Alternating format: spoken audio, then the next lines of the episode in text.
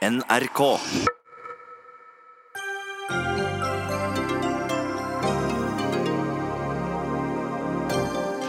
Hva er galt med norsk barnevern? Norge ble i går dømt for å ha krenket Den europeiske menneskerettskonvensjonen. 23 andre klagesaker står i kø hos Menneskerettsdomstolen. 14 000 førstegangskjøpere vil bli holdt utenfor boligmarkedet dersom Finanstilsynet får det som den vil. Men de strengere reglene er ikke noe DNB vil ha, men likevel skal bankene hjelpe folk til å låne over pipa. Det er problemer innad i Venstre. Det dårlige valgresultatet har satt i gang diskusjonen om Trine Skei Grande og resten av ledelsens fremtid. Og mens store deler av LO og Arbeiderpartiet ikke vil ta i Miljøpartiet De Grønne med ildtang ved neste stortingsvalg, så gjør partiets tidligere nestleder døren høy.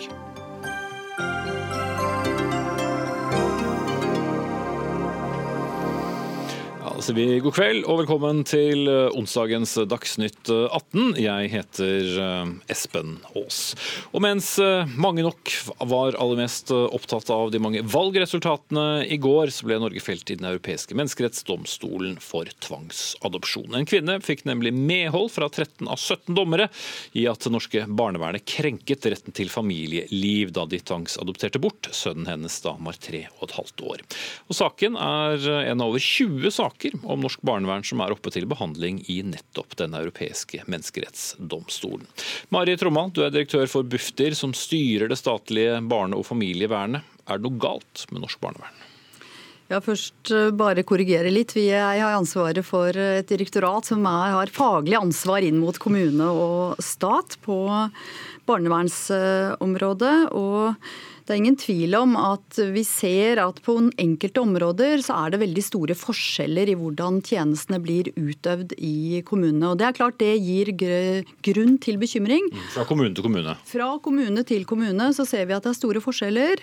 Og vi ser også at i enkeltsaker så er det avvik. Det er I tilsynsrapporter så ser vi også at det gjøres feil. Mm. Og selvfølgelig så gjøres det mye bra samtidig. Så det er jo nettopp dette dilemmaet ved at det både er mye bra, men dessverre også enkeltsaker hvor vi ser at det er eh, utfordringer. Ja, Men som i trafikken, vi er opptatt av uh, ulykkene og ikke alle de som kjører bra. og Det er det vi skal diskutere her også. og Da lurer mange på har vi riktig kompetanse? Ja, Vi har nok over tid bekymret oss litt over, for, over, kompetansen. fordi at Det er ingen tvil om at dette er saker som er veldig komplekse. Eh, foreldre som kan streve med både rus, psykiske problemer og ulike, noen med kognitive utfordringer osv. Eh, og da trenger man høy kompetanse. For det er jo ikke noe tvil om heller at det er ganske store fullmakter man har i barnevernet. Mm. Og, kan, kan, og mange kritiserer det da for lettere å gripe inn enn å forsøke å hjelpe til i den eh, situasjonen som måtte være i familien? Ja, og der ser vi nok at mye av kritikken handler jo ofte om at man eh, griper inn kanskje for sent, og at man har for lett tiltak innledningsvis. Men bare for å komme litt tilbake til spørsmålet ditt på kompetanse, så er det jo nettopp sånn når vi har behov for høy grad av rettssikkerhet, så er det viktig å ha tilstrekkelig kompetanse. Så vi har fra direktoratets side jobbet nå på regjeringens handlingsplan på kompetanse med en rekke kompetansetiltak. Og vi har akkurat nå under utredning om vi bør stille strengere kompetansekrav til det kommunale barnevernet i lys av de fullmaktene som de har. Så det er en slags erkjennelse av at uh, det var riktig å, å se på egen kompetanse? Det er riktig å se på kompetansen i eh, kommunalt og statlig barnevern.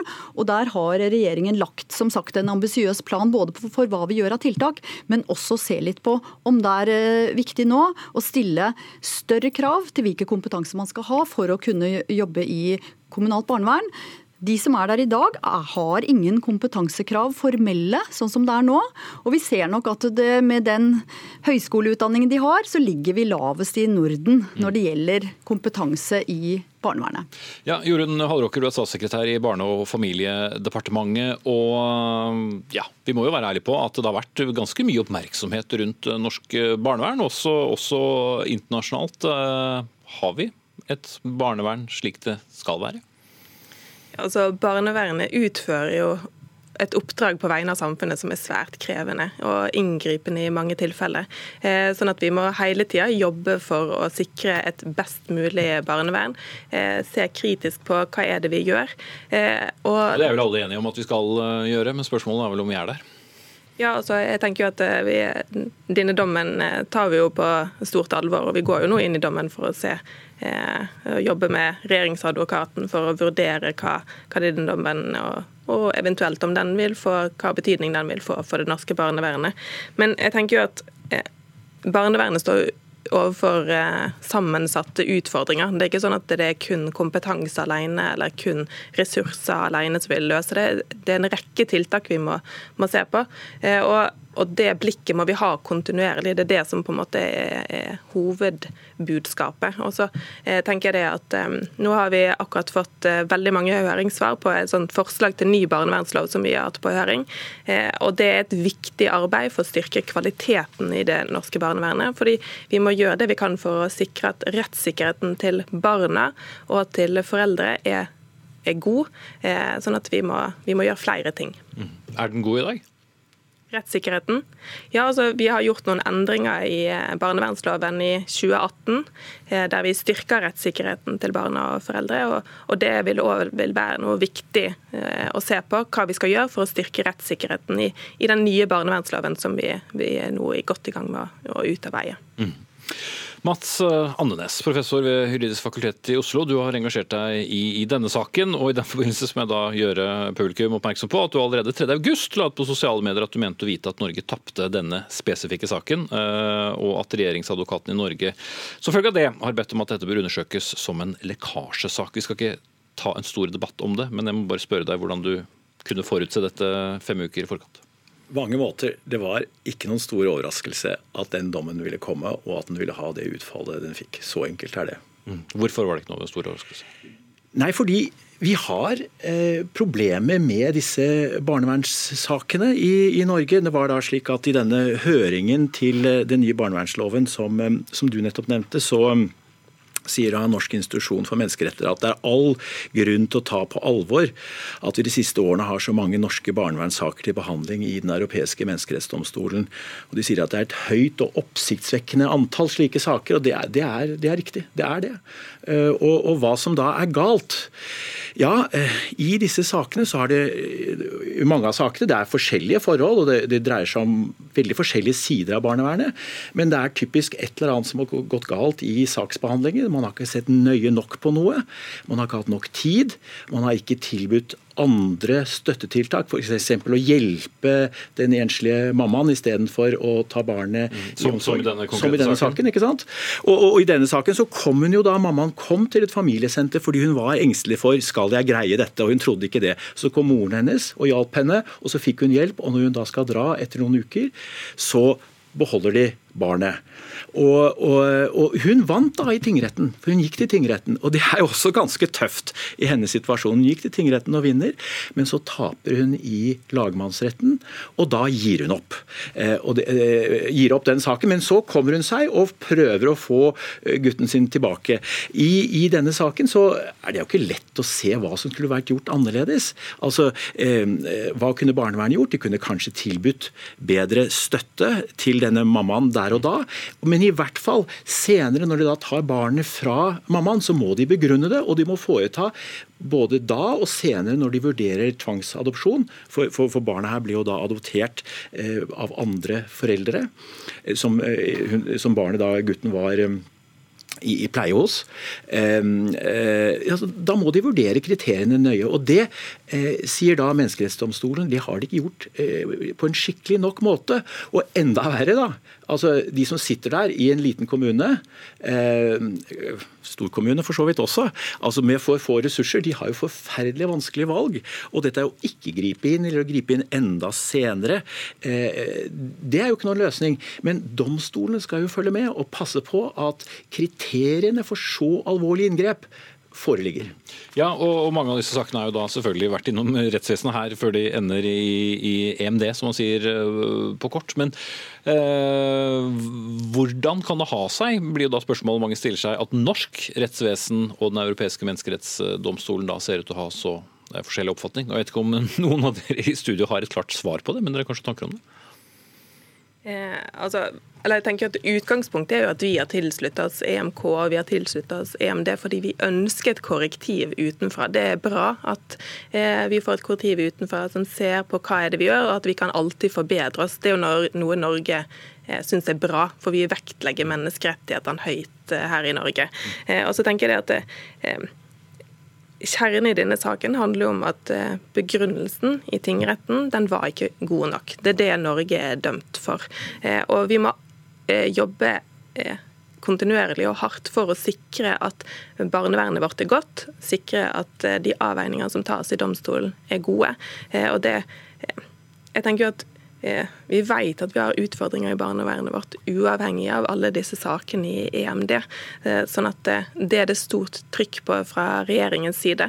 Vi gjør flere tiltak, som jeg har vært inne på. og det, det er utrolig viktig, for vi må se disse tingene i sammenheng. Barnevernet står overfor så krevende oppgaver og gjør så bra jobb for, for, oss som samfunn. Og Da må vi sikre at de både har kompetansen, at, de har, at barnevernsloven er god til å bruke bruke barnevernsloven i, i, saksbehandlingen. Eh, ja, og Spørsmål i forlengelsen av det er jo da om rettsvesenet eh, tar for lett på eh, barnevernssaker? Du vet, Menneskerettene er jo vanskelige. Å ta vare på menneskeretten til oss som sitter her i dette studiet, studio, det er ganske greit. Når du har de aller svakeste, Eh, rus, folk som sliter med rusproblemer, har eh, alle slags andre problemer du kan få i det norske, norske samfunnet. Eh, innvandrere tilhører minoritetsgrupper. Det er da rettsvesenet skal beskytte menneskerettene. Og da er det i disse sakene slik at de i mange tilfeller har sviktet. Så de må passe på å gi det korrektivet. og Det var derfor det var så godt å ha Menneskerettsdomstolen som kunne kikke oss i kortene. Ikke bare barnevernet og det, det vi gjør på myndighetssiden der, men også hvilket arbeid domstolene gjør. Så domstolene må eh, være mer aktive og mer kritiske. Ikke det at de skal gå inn og overprøve det faglige skjønnet, men de skal se er kriteriene for å ta fra en mor eh, foreldreansvaret, begrense eller ta fra henne besøksretten, og til slutt da tvangsadoptere barna. Det må de få orden på, og det har de ikke hatt opp til nå. Så har det da vært eh, mange klager, og um, det har jo også vært en del foreldrepar som kommer fra eh, andre land, som har bosatt seg i, i Norge. og Når dere har ja, sett, på, sett, på, dere selv, eh, stadig da direktør for Bufdir, er det en, også en kulturell forskjell på hvordan man ser på familien?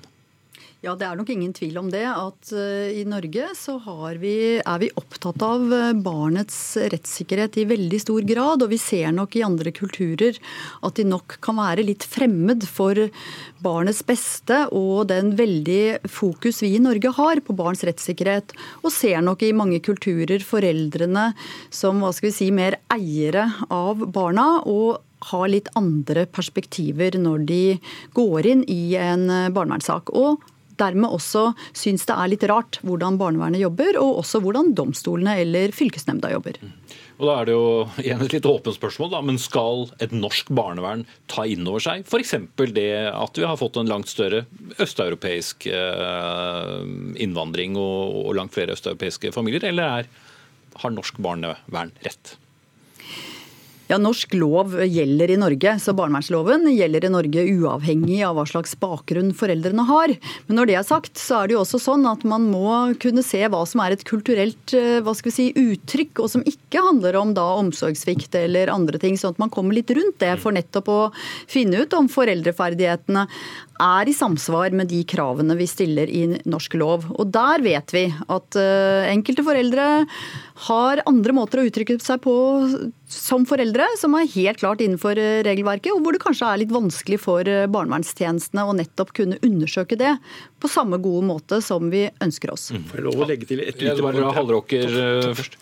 Eh, barnets beste, som eh, man er inne på her, er jo et viktig og grunnleggende prinsipp. Men det er jo ikke bare noe som Norge har sagt, det er jo noe som EMD òg stadfester i denne dommen. At det, det, skal være et grunnleggende og avgjørende hensyn. Eh, sånn at det, det er på en måte litt ulike debatter. fordi ja, vi skal ta inn over oss at vi har, har flere ulike land som er her i Norge, som har forskjellig bakgrunn. Og at man skal få en større forståelse for den kulturelle bakgrunnen til disse barna i barnevernet, det er jo veldig viktig. fordi Skal man få til et godt samarbeid mellom foreldre og barnevernet, så må og barnevernet sin kompetanse på den kulturelle forståelsen styrkes. Mm. Annes. Så, så tror jeg nok Vi er enige om her at det vi trenger er mer kompetanse og større bevilgninger, slik at folk kan greie jobben sin. Eh, men, men når det er sagt, så, så, er det ikke slik at denne saken dreier seg om, eller disse sakene dreier seg om kulturforskjeller. Hvis vi ikke da vil gjøre det til en norsk verdi og ha saksbehandlingsfeil og, og, og komme med de mest inngripende vedtakene på sviktende grunnlag. Så, så, her er det noe å rydde opp i, og nå må vi bare gi eh, redskapene. Og så må domstolene rett og slett eh, ta dette på en litt annen måte. Mm Hallråker, kort slutt. Ja, og Terskel for adopsjon i Norge i dag er jo svært svært høy. Det brukes i, i veldig få tilfeller som et tiltak i barnevernet. Sånn at, og det skal det være, for det er et svært inngripende og irreversibelt tiltak. sånn at det, eh, det er det ikke noen uenighet om. Mm. Det står altså eh, ennå over 20 saker og venter. Vi får se hva som blir utfallet av de også. Men takk for at dere tok eh, denne debatten. Mats Andenes, professor ved juridisk fakultet ved Universitetet i Oslo. Mari Tromald fra Bufdir og Jorunn Hallråker, statssekretær i Barne- og familiedepartementet fra Kristelig Folkeparti. Og jeg vil bare også uh, si at vi i dag har uh, snakket med regjeringsadvokaten. Tilbakemeldingen var at Fredrik Sejersted, som har representert Norge i Strasbourg og kjenner saken best, han er på reise og kunne heller ikke ikke stille på linje i denne saken. Det blir for eh, øvrig mer om eh, barn og hvordan de har det i Norge når Barneombudet er gjest hos Ole Torp i programmet Torp på NRK2 klokken 19.45. Dagsnytt 18 alle hverdager klokka 18.00 på NRK P2 og NRK2.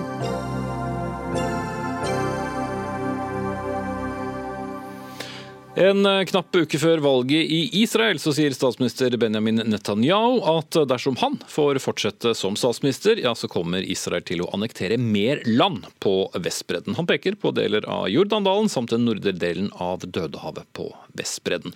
Fra før har landet annektert Øst-Jerusalem, mens Vestbredden er å regne som okkupert. Begge deler er i strid med internasjonal lov.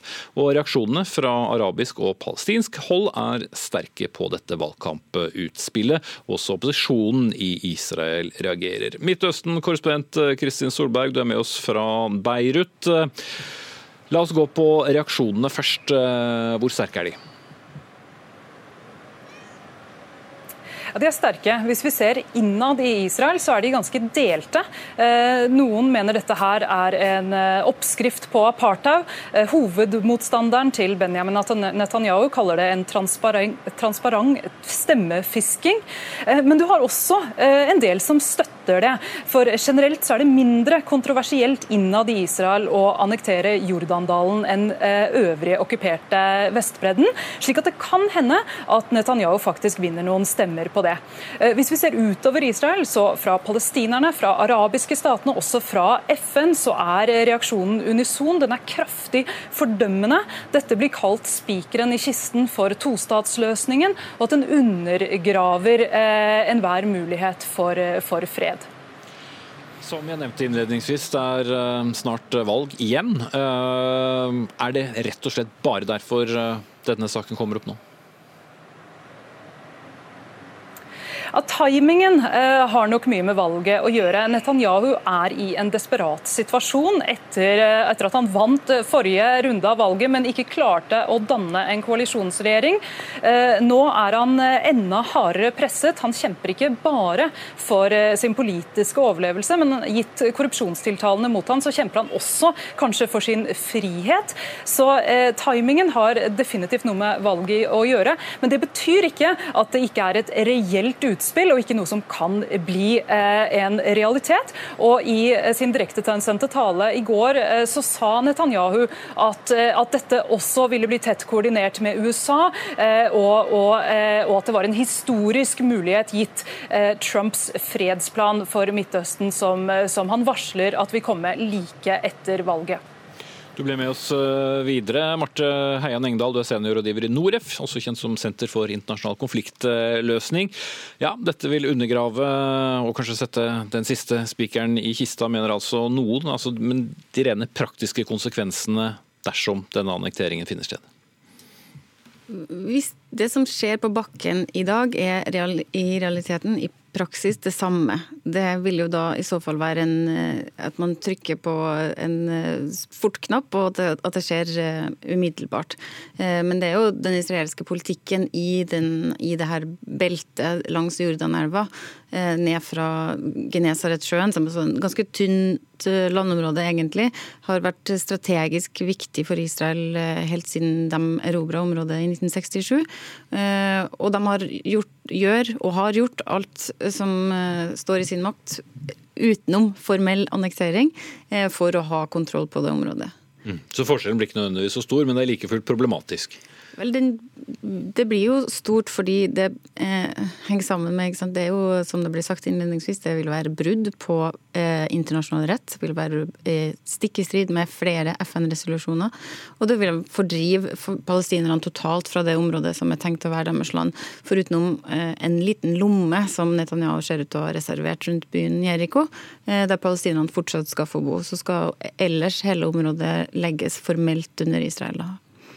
Men dette vet han jo vil være kontroversielt, så hvorfor så høyt spill?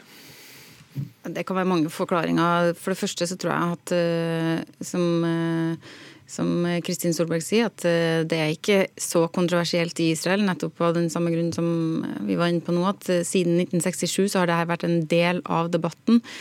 Fordi det området Eh, nå har vi noe kart med oss her, men det er et område som har strategisk, militærstrategisk verdi for Israel, som var et, før krigen i 1967 et veldig smalt land. Eh, og etter de erobringene de fikk i 67, eh, fikk det som de som kalles strategisk dybde, blir lettere å forsvare. Og I tillegg så er det et varmt og fruktbart og sånn sett veldig verdifullt sted, også da for den palestinske staten. Det Netanyahu gjør, er jo å spille veldig høyt. Og tenker nok at det er mange ting som kan skje i israelsk etter valgkampen er over. Eh, her skal det hestehandles om diverse ting. Eh, og om han må gi fra seg det her løftet i bytte mot f.eks. immunitet, som er det han egentlig er på jakt etter som statsminister under etterforskning for korrupsjon, så tror jeg han kommer til å glatt gi det fra seg. For han, vi må huske på, han har vært statsminister i 13 år, så hvis han hadde absolutt ønska å gjøre det her, så har han hatt god tid på seg fra før. Mm. Så det kan også rett og slett være noe han bare legger i potten? Ja, absolutt. Og jeg tror eh, vi skal være eh, helt på det rene med at eh, det her er ikke uvanlig sånn sett i israelske valgkamp at han gjorde faktisk akkurat det samme i valgkampen i april. Det er jo det andre valgkampen på to år. For første gang i landets historie så er det to på rappen. Og det lyktes ikke da heller. Så om det, gjenstår å se, selvfølgelig, om det her er nok til å mobilisere de høyrevelgerne som Netanyahu håper på å vinne tilbake. Han er veldig redd for at eh, lekkasjen til Høyre skal være for stor, sånn at ikke han får det mandatet og handlingsrommet han trenger for å bygge det her magiske koalisjonsnummeret sitt med 61, som er de setene han trenger for å få, få regjeringsmakt igjen. Mm. Men Hvis vi skal se på, på nedsiden av dette politiske spillet, hva kan det være? Ja, det er veldig mange nedsider for uh, altså Internasjonalt så må vi jo alle sammen uh, ta inn over oss hva det vil si hvis man bare kan eh, bryte internasjonal rett og en lang rekke FN-resolusjoner og gå på tvers av internasjonal politikk som vi er enige om at det skal føres uten at det har noe omkostning. Så da er det vel, veldig mange som må revurdere sine politiske standpunkt, vil jeg tro, rundt om i verden.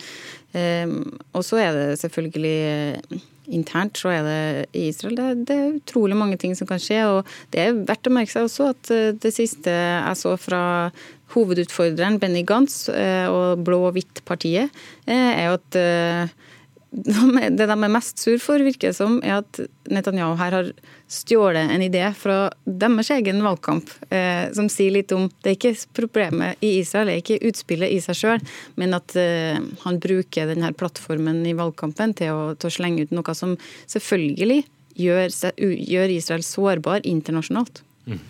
Solberg, runde av med deg. Da er det altså valg på tirsdag igjen. Hvis det ikke blir noe flertall nå heller, hva da? Ja, det kan du si. Uh, dette her, Ifølge meningsmålingene så ser de ikke ut til at, uh, at uh, Netanyahu vil klare å danne flertallsregjering uten partiet til tidligere forsvarsminister Avigdor Liebermann, som er det han fortrinnsvis ønsker å gjøre. Så får vi se om dette utspillet klarer å bikke ham over grensen. Men det ser heller ikke ut til at hovedutfordreren Benny Gantz at han vil klare å danne en koalisjon. Så dermed så kan det bli ganske turbulent turbulente tider etter dette valget, hvis det ikke blir eh, altså et klart flertall for den ene eller den andre siden. Takk skal du ha, Midtøsten-korrespondent Kristin Solberg, og takk eh, til deg, Marte Heien Engdahl, her i studio, seniorrådgiver i Noref.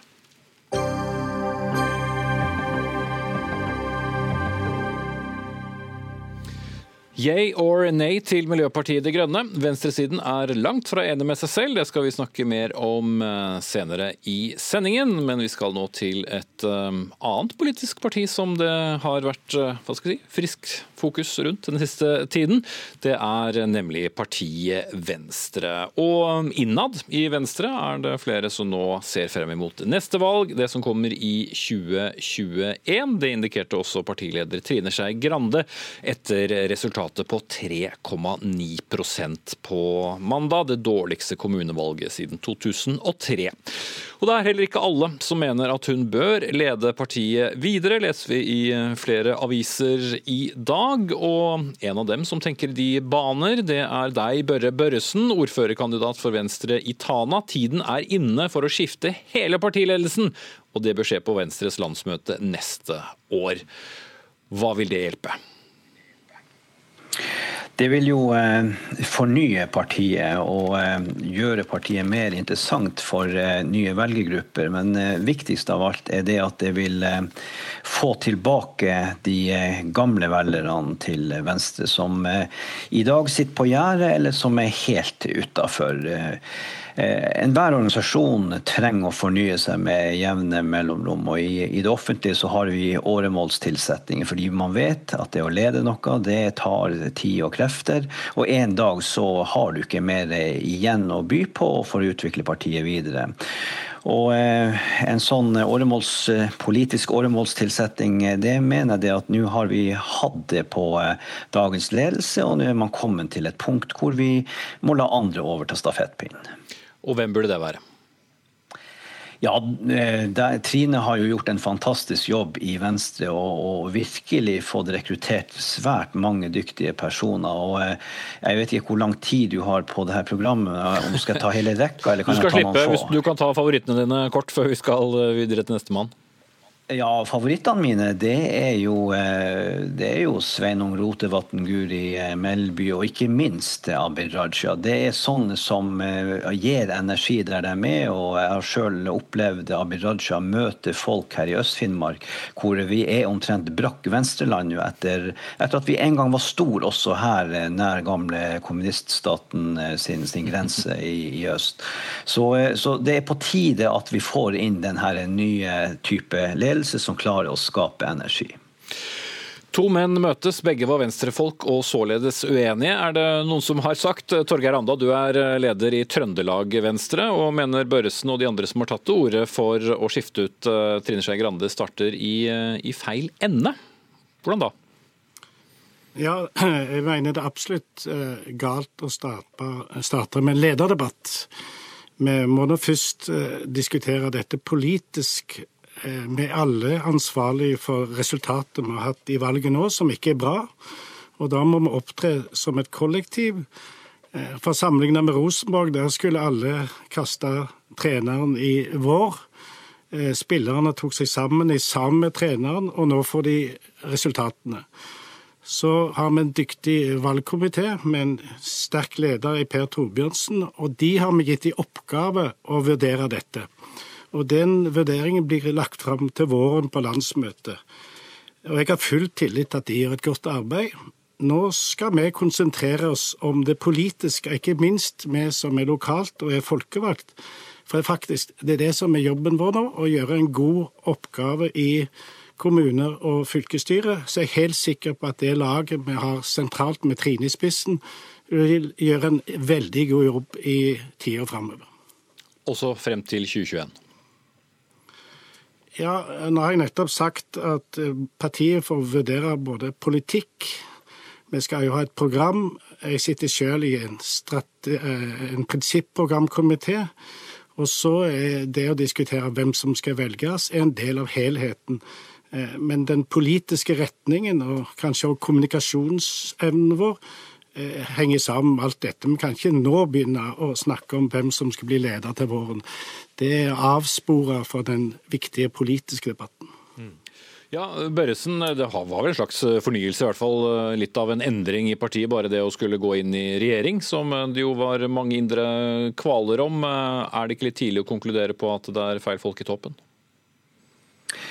Ja, ting henger jo litt eh, sammen da også, i, eh, ikke minst i politikken. Og eh, det vi har sett over tid, det er jo det at vi mister velgere. Og da må man jo stille spørsmålstegn ved er vi opptatt av de rette saker på de rette baner. Er vi, av, er vi relevant for innbyggerne lenger? Ta et lite steg tilbake til 80- og 90-tallet, så så sleit vi med et voksende Frp, og det ble kalt rundt omkring i Norge for bygdetullingenes parti. Eh, jeg skal ikke kommentere hvem som eventuelt kan ha overtatt eh, det begrepet nå, men vi lever i en tid både i Norge og i Europa altså hvor de enkle løsninger florerer, og folk ser ikke sammenhenger. De er opptatt av ett svar på ett spørsmål, og dermed så vokser de, de ensakspartiene frem. I den sammenhengen så har Venstre Venstre sitt klare eh, eller rettere sagt uklare landsmøtevedtak i 2017 skapt veldig mye strid internt. Nemlig det at man ikke sa klart ifra om at man skulle ikke gå i samarbeid med Frp. Hadde man gjort det, så hadde vi vært i en litt annen situasjon. Men det er jo en lærdom vi har fra den eh, politiske debatten. Ja, Det var vel den berømte snøen og fjoråret og, og alt dette. Kort fra deg, Anda. Hva er det første dere beviser velgerne? Ja, jeg tror eh, at vi må eh, bli flinkere til å fortelle en annen historie om Norge enn den som eh, f.eks. Senterpartiet har fortalt i denne valgkampen. Det går faktisk strålende med næringslivet i Norge, ikke minst i distriktene langs kysten. Vi har rekordlav ledighet, og den debatten og det jeg frykter nå, er at dette er lite diskutert, men du har ei sterkere venstreside, inkludert eh, Senterpartiet og deler av Arbeiderpartiet, som utfordrer EØS-avtalen og europeisk samarbeid. Og både for næringslivet langs kysten, ikke minst, og for klima- og miljøkampen, så er et europeisk samarbeid viktig. Og EØS-avtalen er liksom selve bunnplanken i, i, vårt næringsliv i distriktene. Og mm. det har forsvunnet i denne sentraliseringsdebatten. Ok, Aksel Fridstrøm, journalist i nettstedet Minerva. Du har sammen med din redaktør Nils August Andresen skrevet en analyse som dere kaller for Venstres stille krise. Og disse utspillene som nå kanskje forutsigbart kommer om lederutskiftinger, hva, hva er dette et tegn på? Nei, altså Vi mener nok at dette er en konflikt som har ligget latent i Venstre ganske lenge. Fordi at man uh, har en partileder som er ganske upopulær uh, ute blant folket, også blant, blant egne velgere. Altså det er jo uh, Dagbladet eller VG hadde en undersøkelse om Trine Skei Grandes popularitet i våres, hvor da kunne det være 16% av partiets egne velgere som syntes at hun gjorde en god jobb. Og det er klart at For et parti som uh, hele tiden sliter med å komme over sperregrensen, så er det en, en betydelig kostnad å holde seg med en, med en leder da, som er mindre populær enn uh, partiets appell. Men så er det jo klart at uh, grunnen til at dette ikke har boblet opp nå, er at når man driver valgkamp, og det er lokalvalgkamp, så er det jo ingen som ønsker å skade partiet ved å ta opp den type diskusjoner. Men nå som valgresultatet er klart, så er det jo klart at da er det en større appetitt der ute da, på linken her og i Marienlyst for å ha den diskusjonen om, om, hennes lederskap.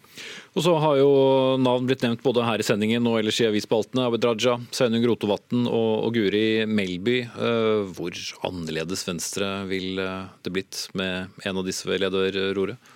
Jeg tror at de henvender seg til uh, litt ulike publikum. og Det er jo det litt paradoksale i, Venstre. Men uh, Abid Raja, som da er en gutt fra Ekeberg, som er valgt inn fra, mye for å stemme fra Asker og Bærum, er jo den som ofte driver mest kampanje ute i distriktsvenstre, og kanskje er foretrukket der. Mens uh, Sveinung Rotevatn og, Guri Melby, altså, som da er jo innflyttere til Oslo, er jo de som representerer mye av Venstres urbane identitet. Og det som er det, det, det vanskelige for Venstre, er jo at hvis man analyserer årets valgresultat, så vil det jo si at de som er de store valgvinnerne, det er kanskje Senterpartiet og MDG. Og Det er jo en sånn klassisk sånn by mot land-konflikt som også går gjennom Venstre internt i det partiet. Eh, så begge parter vil jo egentlig kunne si at hvis vi bare gjør sånn som vår fløy vil, hvis vi enten bare blir mer eh, forsøker å henvende oss til distriktene, så går det bra. Hvis det, vi forsøker å bygge byparti, så vil det også kunne gå bra, men det må da i hvert fall komme en tydelig avklaring. da. Og Det vil nok også kunne bidra til å eskalere konfliktnivået i det partiet. Det Anda og andre har jo etterlyst eh, det å selge Venstres seire. Er du enig i at det har vært et problem fra Trine Skei Grandes side?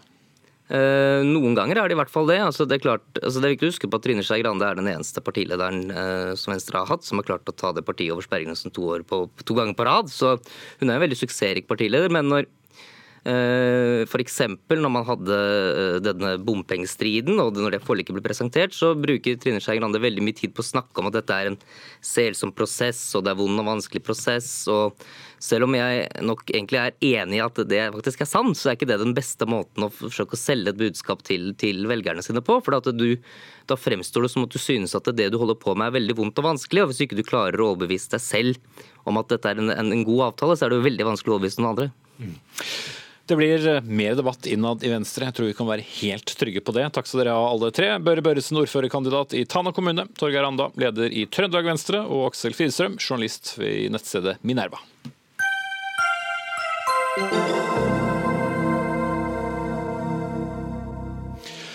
Er du ung og skal eh, inn på boligmarkedet, spiss ørene. Er du i boligmarkedet, spiss ørene uansett, vil jeg si. Eh, det kan altså bli enda litt vanskeligere å få innpass i boligmarkedet. Finanstilsynet foreslår at eh, maksgrensen for lån skal senkes fra fem ganger brutto lønnsinntekt til fire og en halv gang, og andelen lån som kan gis til de som ikke oppfyller alle krav i dagens forskrift, skal halveres fra 10 til 5% Og Even Westerveld, informasjonsdirektør i DNB, dere har regnet på at dette vil ramme ganske mange. Hvordan da? Nei, altså aller først, det er fornuftig med felles regler for boliglån. Det er vi enig i, og vi er også enig i at det er fornuftig å ha en bærekraftig gjeldsvekst. Men det vi ser er at hvis forslaget som nå er kommet fra tilsynet blir politikk, ehm, så vil jo det føre til at vi ikke kan gi lån til ganske mange unge som da ikke har foreldre som kan stille med egenkapital. Eh, og Hittil i år så er det sånn ca. 3500 unge kunder i DNB som da ikke ville fått lån eh, hvis dette regelverket hadde vært politikk. Mm. Og dere har omtrent eh, ja, 25% av, av lånekundene i Norge. Så dermed så kan du gange det med fire hvis du gjør et, et litt sånn enklere regnestykke. Ja, og hvis du da tar for hele året, så snakker vi om et sted rundt 20 000 unge. da. Og da begynner det å bli en del da som føler Kanskje at med et sånn type regelverk så vil det bli tungt å komme inn på boligmarkedet fordi man da ikke får eh, lån. Eh, så kan man jo helt sikkert eh, si fra tilsynets side at det jo er en av hensiktene med regelverket. Men det er viktig i hvert fall å være klar over da, de konsekvensene et sånt strengt regelverk har. Og så tror vi at boligprisutviklingen tilsier nå at den er i balanse, og at man eh, kanskje ikke trenger en så sterk innstramming nå. Mm. Finanstilsynsdirektør Morten Baltzersen, hvorfor er det nødvendig å stramme inn enda en gang? For det er ikke så lenge siden det ble strammet inn? Det vi ser er at eh, husholdningenes samlede gjeld fortsatt øker mye, og øker mer enn husholdningenes samlede inntekter. Og så viser også våre eh, utenlandsundersøkelser at, at de som tar opp nye lån, så er det flere nå enn tidligere, større andel, som tar opp svært høye lån som andel av inntekten. Så bak disse samlede gjeldstallene for husholdningene, som også vokser mye, så er det mange enkeltpersoner som tar opp svært store lån, og i større grad enn tidligere. Og det innebærer en sårbarhet for de som tar opp disse lånene. Det er økt risiko for at de da kan komme opp i problemer hvis uventede Eh, forhold skulle inntreffe, tap av inntekt, kraftig renteøkning eller kraftig boligprisfall. I tillegg så øker også sårbarheten i det finansielle eh, systemet hvis husholdningene har mye gjeld, og også den er konsentrert om mange som har svært mye gjeld. Så har det vært eh, en liten kø av aktører som eh, har sagt sitt om dette, inkludert av Westfeld, som vi hører. Og Et av argumentene er jo at vi kan få et, eh, et slags klasseskille da blant boligkjøpere. De som kan få hjelp hjemmefra til å kjøpe sin første bolig, og de som ikke vil få det. Hva sier du til det resonnementet? For det første så er det jo slik at forskjeller som er i inntekter mellom folk og formue, det eh, er eh, ikke slik at det kan utjevnes gjennom en forskrift som regulerer utlånspraksis. Det er andre årsaker som ligger bak disse grunnleggende forskjellene. Så er det jo slik at det er høye boligpriser som gjør at noen opplever det som vanskelig å komme inn på boligmarkedet. Og det å få hjelp til å komme inn å kjøpe en dyr bolig gjennom å ta opp svært store lån, kan lett bli å gjøre noen en bjørnetjeneste. Nå er nok holdningene litt til dette preget av at vi har hatt lang tid med boligprisvekst, og folk har kunnet låne mer og mer med disse panteverdiene. og Det kan gjøre noe med holdningen også. At man tror Fordi at verdien av boligen har uansett økt. Mer, og så, og så blir det lett slik at forventningene slik vil det uansett være også. Det, det, man kan ikke tape på å ta opp store lån med pant i bolig. Men historien har vist at eh, det, det kan skje nå da. Og vi har rekordhøye boligpriser i, eh, i Norge. Og hvis vi går eh, ca. 30 år tilbake i tid, så opplevde vi dette i Norge. Og for ti år siden så var det flere land i Europa også som opplevde dette. Vestvel, kort på det. Må si man må jo berømme reglene, for de har jo åpenbart eh, virket etter hensikten. Boligprisveksten har jo avtatt. Da disse reglene kom, så var den på 10% i 2015, 15% i 2016 i Oslo. Derfor så fikk man eh, disse reglene, og det har vært fornuftig. Spørsmålet nå er jo er det grunn til å stramme dem såpass kraftig til, sånn som tilsynet ønsker. Og med den boligprisveksten vi ser nå, så, så tror ikke vi det er nødvendig. Mm. Nera Masic, du er sjeføkonom i Prognosesenteret. Dere følger jo da boligmarkedet tett. Hvis da dette blir reglene fra 1.1. neste år, hva vil eh, da skje med boligmarkedet nå på kort sikt først? Vi tror det på kort sikt vil føre til sterkere boligpriser utover høsten, eh, fordi flere vil skynde seg med å komme inn i markedet til det gamle regelverket. Eh, men så, når reglene trer i kraft fra og med 1.1, eh, hvis dette blir vedtatt, så tror vi det vil føre til svakere boligprisutvikling på lengre sikt. Mm. Så dette vil roe ned et boligmarked som i hvert fall er i ferd med å roe seg? Vi tror det. Mm. Er det problematisk? Eh, sett fra et makroperspektiv så tenker jeg dette er gladnyheter. Alt som kan føre til at gjeldsveksten fortsetter nedover, burde være godt nytt for alle sammen. Ehm, vi har fortsatt en gjeldsvekst som er på 5,3% var den i juli på årlig basis falt eh, fra rundt 6,7 som var våren 2017. Så den har avtatt noe, men det er jo fortsatt betydelig høyere gjeldsvekst enn eh, det lønningene våre stiger med årlig. Så det er jo ikke et bærekraftig gjeldsnivå vi har, og ikke en bærekraftig gjeldsvekst heller. Så sett fra det perspektivet så syns jeg det er eh, veldig positivt. Men så ser jeg også det du sier om at det kan gjøre det vanskeligere for enkelte å komme inn i boligmarkedet. Men jeg er ikke like bekymret for de unge. Jeg tror det er andre grupper i samfunnet som står mer utenfor boligmarkedet, som f.eks. aleneforeldre.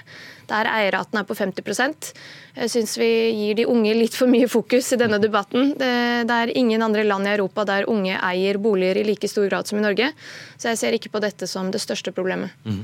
Ja, Vestervel, man skulle jo tenke at noen som eh, jeg skal ikke si at dere lever av å gi boliglån, for det driver med veldig mye i DNB som dere tjener mer penger på, men likevel, eh, du vil jo helst ha lånekunder som har evne til å betjene gjelden sin. Så hvorfor skulle det være viktig for eh, dere banken å ha enda flere unge lånekunder i et Nei. boligmarked som er i ferd med å kjøle seg? Vi lever jo ikke av å låne ut penger, vi lever av at, penger, at eh, folk betaler tilbake de lånene de får.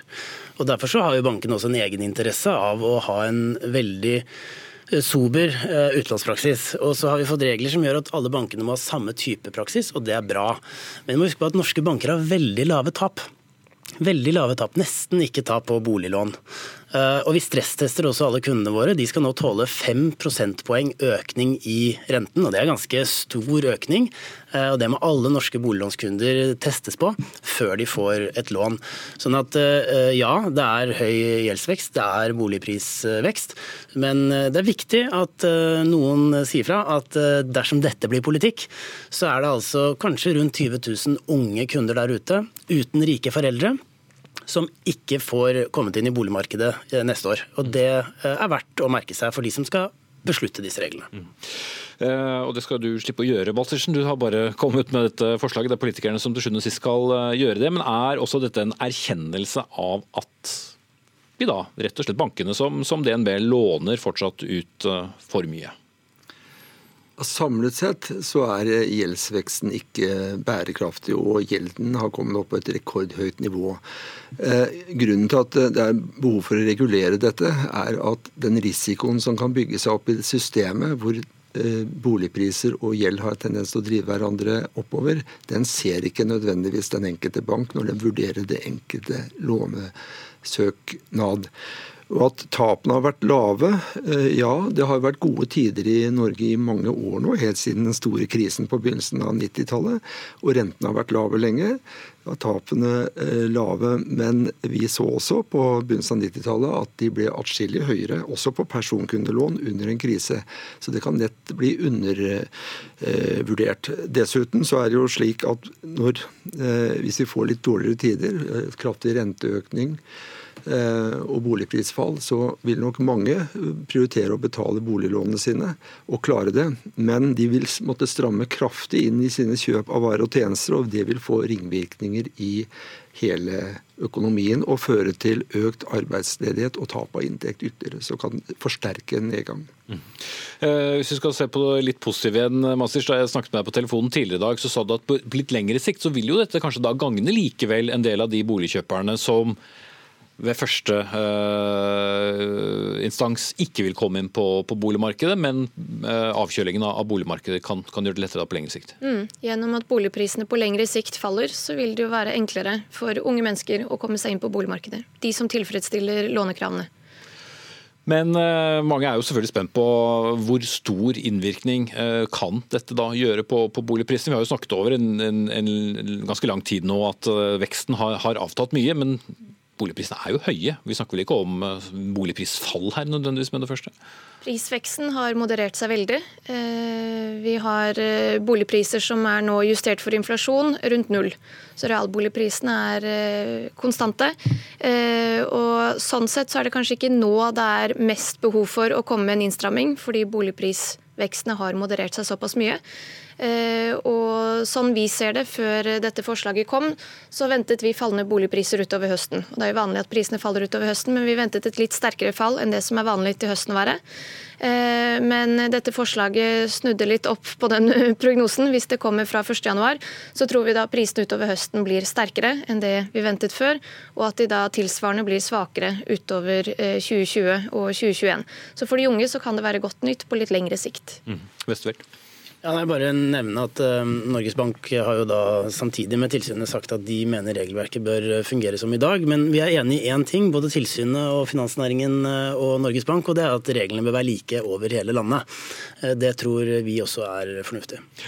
Da gjenstår det å se hva Siv Jensen, eh, finansministeren, gjør når hun får eh, dette. og Det blir en høring om det hele. Takk skal dere ha alle tre. Neira Masic, eh, sjeføkonom i Prognosesenteret. Morten Baltersen, finanssynsdirektør og tilsynsdirektør. Og Even Westvel, informasjonsdirektør i DNB.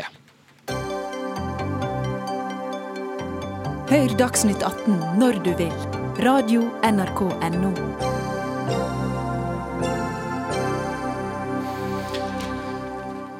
Og før støvet etter det såkalte jordskjelvvalget som mange har snakket om, har helt lagt seg, så går altså debatten om hvem Arbeiderpartiet eventuelt bør samarbeide med for å vinne neste valg, og den er for lengst i gang. Og som vi allerede så i Dagsnytt 18 her i går, så er det ganske sprikende meninger om hvorvidt Miljøpartiet De Grønne burde være med i et fremtidig samarbeid.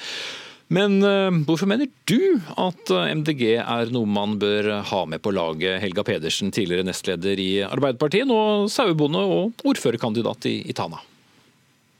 For det første vil jeg si at dette er jo en av veldig mange diskusjoner Arbeiderpartiet må eh, ta. Vi kan ikke slå oss til ro med en oppslutning på 20-tallet.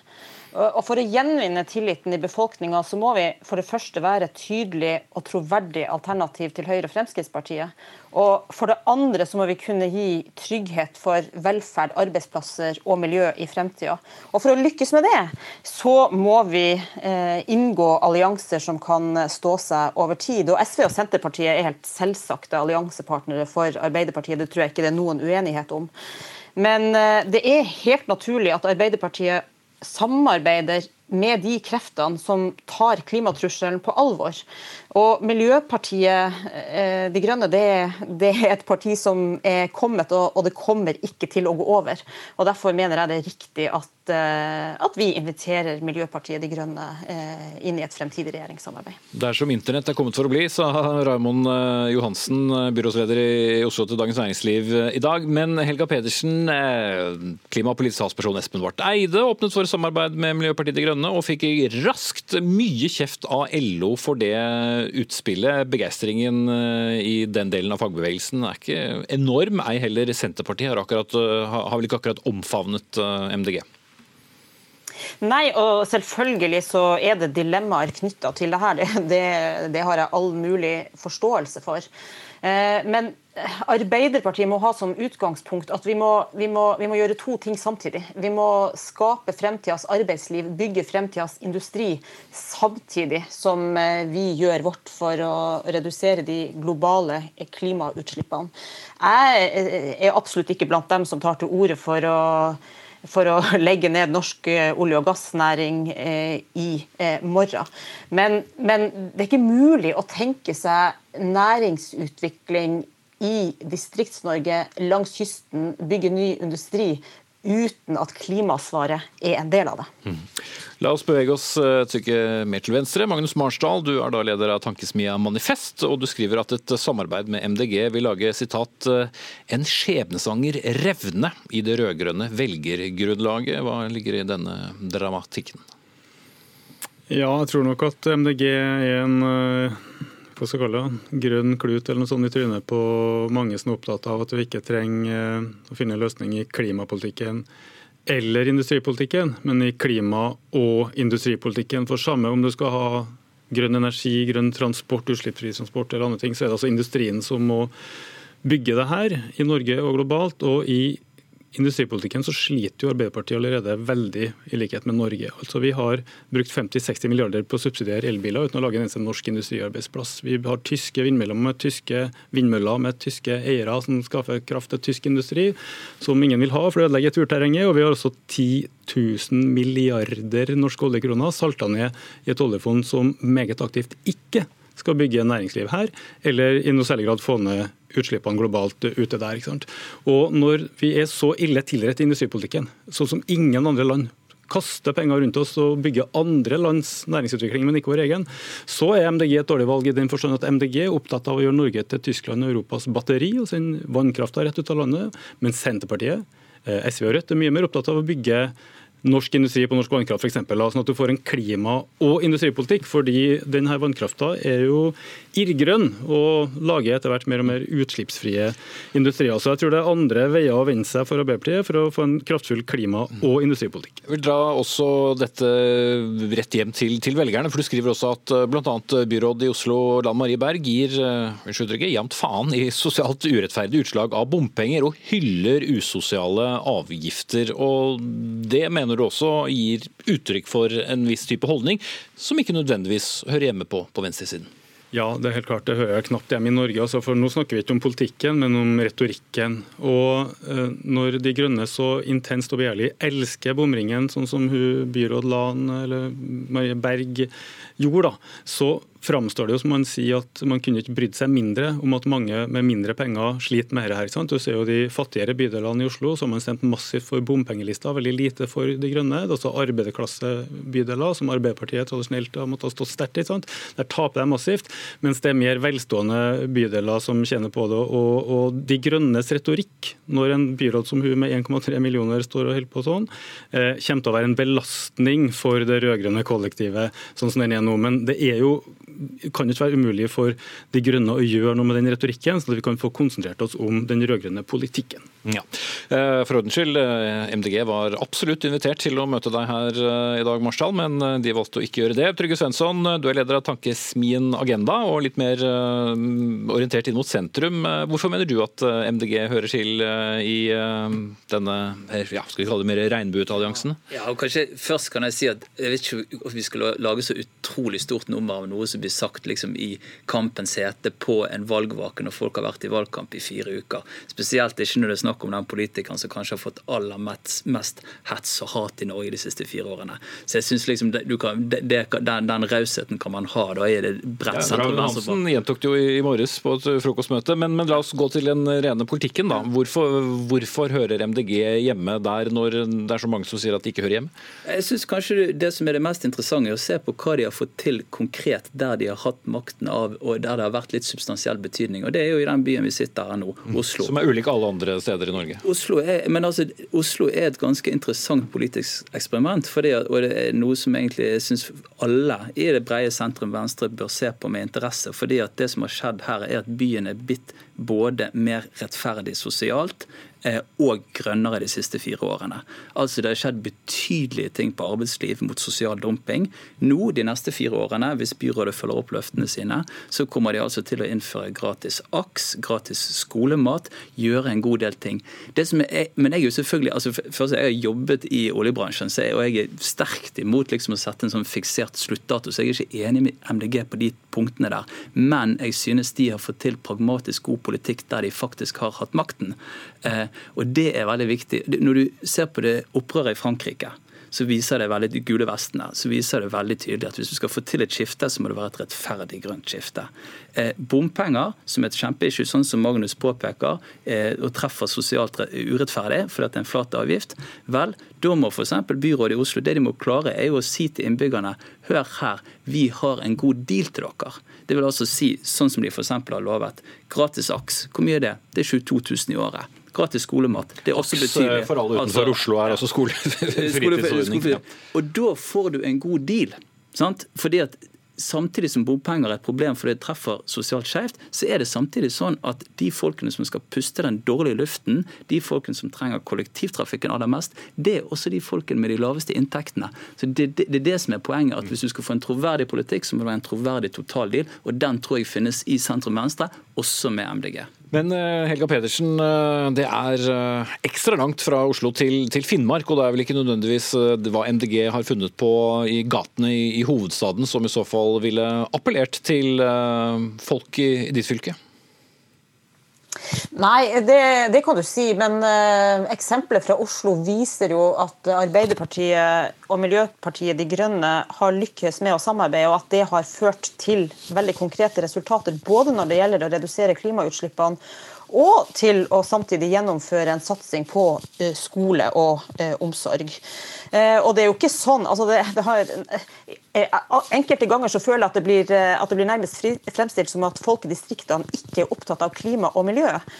Det er helt feil. og I denne valgkampen så har en opplevd lokalt at et meget stort engasjement for begge deler. Og Miljøpartiet De Grønne eh, har også begynt å etablere seg eh, eh, i, Finnmark. Og jeg tenker at altså, Vi kan på en måte ikke velge bort eh, å, ha en offensiv eh, klimapolitikk for fremtida. Spørsmålet er om vi lykkes å kombinere det med sosial fordeling og det å skape nye arbeidsplasser og ny industri i fremtida. Og jeg mener jo f.eks. at Norge som, hav... eksempel, uh, ja, Norge som havnasjon, det å satse på havet, få mer transport over havet, bygge havvindmøller, det går hånd i hanske med en fremtidsretta klimapolitikk. Eh, Marshall, veldig kort, Hva tror du ville skjedd med, med velgermassen på venstresiden med da dette Miljøpartiet De Grønne som en del av koalisjonen? Ja, der er jo Oslo et interessant eksempel. Altså, Arbeiderpartiet og de rød-grønne har jo krasjlanda i de fattigere og østlige bydelene. Det har falt til 20% og gått veldig mye til bompengepartiet, og sånn, men har fått en del mer bemidla eller høyere utdanna velgere i sentrum, via de, de, grønne i stedet for. Så man bytter jo ut av arbeiderklassen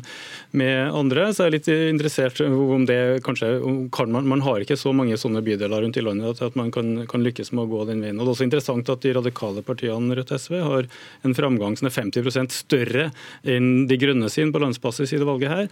og Derfor så er det okay. sånn at Arbeiderpartiet har flere utfordringer enn MDG ved neste korsvei. Og der må jeg bryte dere av, for det er bare 17 sekunder igjen. Jeg skal eh, si takk til Magnus Marsdal, Trygve Svensson og Helga Pedersen, og nevne at det var Dag Dørum som var ansvarlig for sendingen. Marianne Myhrol tok seg av det tekniske. Jeg heter Espen Aas. Vi er tilbake igjen i morgen.